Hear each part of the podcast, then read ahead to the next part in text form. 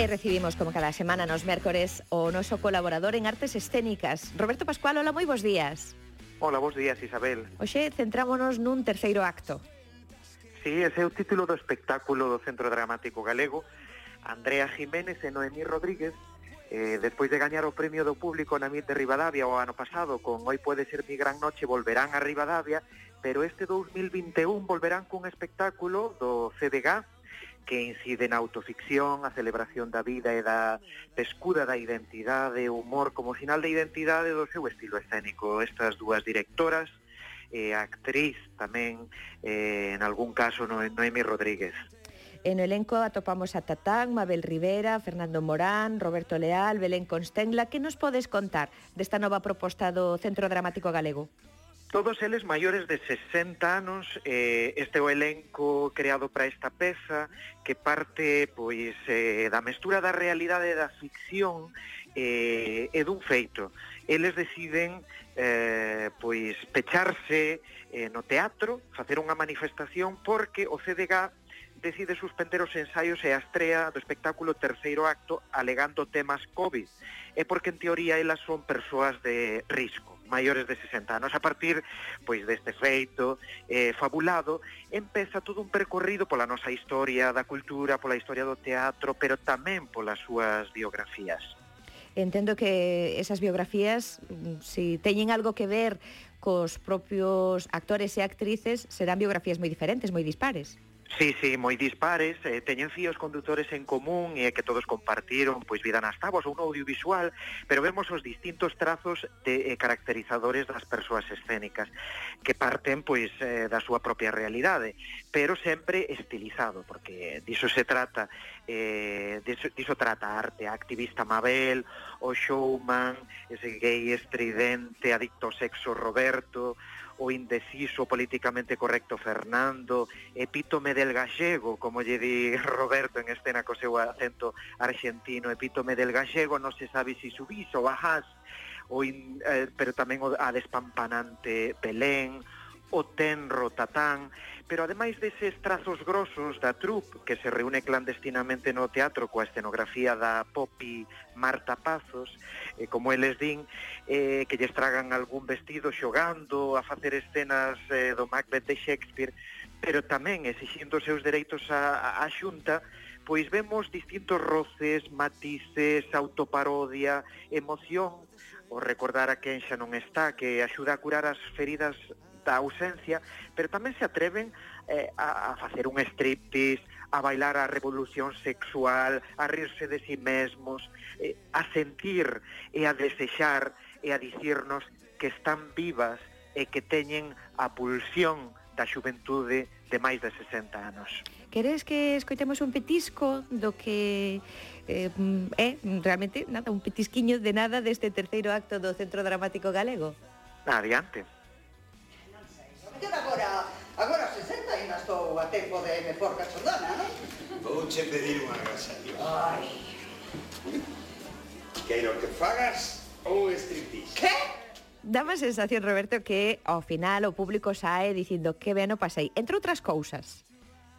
Sí, entre outras moitas cousas, porque terceiro acto é moito máis eh, ca unha reunión desa actriz que fixo de Balbina contando as súas batallas, moitísimo máis ca un relato dun flauta como pode ser eh, o, o actor Tatán eh, onde nos fala da súa propia experiencia vivindo a revolución dos carabéis en Portugal.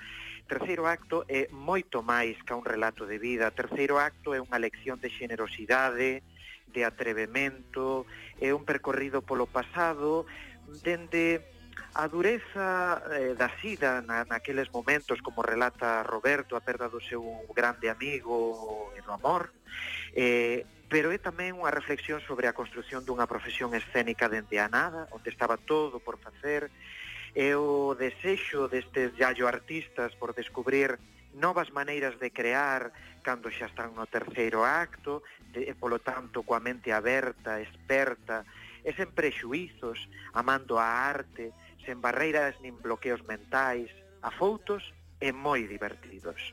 Bueno, xa vexo que é ben ben interesante, case un homenaxe, non? O traballo xa realizado, eh, ese legado que que forma parte do presente das artes escénicas.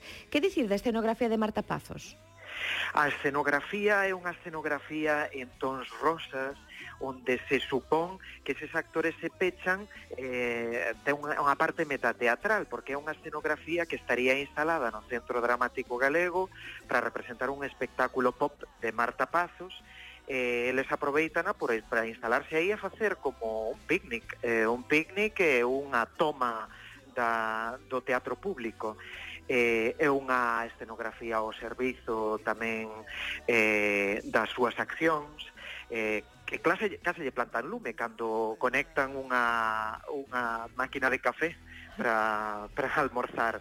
Tamén eu destacaría a coreografía de Amaya Galeote, hai unha escena magistral con toques de Almodóvar, algo de psicodelia, un punto bufón ao estilo Leobasi, onde pois recordan a etapa franquista, a etapa do, da ditadura, entre escenas de cruising, a procesión de curas, o que un mozo lle practica unha felación, paseos militares e outras imaxes que por afastadas non deixan de ser potentes e necesarias para recordar unha época histórica na que viviron todos estes actores e actrices, porque tamén dende a parodia, dende a blasfemia, se exorciza a dor, o medo e a inseguridade.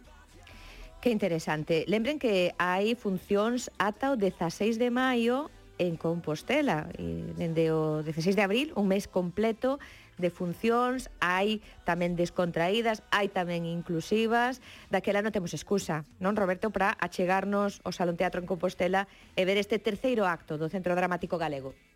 Ninguna, sen dúbida unha das pezas máis interesantes do panorama e dos últimos anos do CDG, un homenaxe, unha convivencia interxeracional tamén, eh, moi interesante, unha autoparodia, a necesidade de rirse de sí mesmos, eh, ás veces as posturas extremas que adoptamos, como vemos nalgúnas das escenas, que pronto se adoptan posturas acusando a alguén de homófobo, ou de fascista, eh, como, como fai algún destes personaxes, que falan por teléfono despois con familiares onde se ve eh, os matices, eh, reciben un globo, deitanse a luz das estrelas, representan Macbeth, xogan, mm, como digo, case queiman unha escenografía, eh, vemos o seu amor e a paixón polo teatro, pero tamén pola vida, pola familia, pola, polas cousas sinxelas, ao fin e ao cabo, é como ás veces os extremos nos acaban tocando. Pois este motivo de comentario entendemos que máis tempo tiveramos neste eh, Diario Cultural, máis tempo tivesemos, máis tempo escoitaríamos comentario ben merecido de Roberto Pascual hoxe pro terceiro acto do Centro Dramático Galego. Grazas, Roberto. Unha aperta. As artes escénicas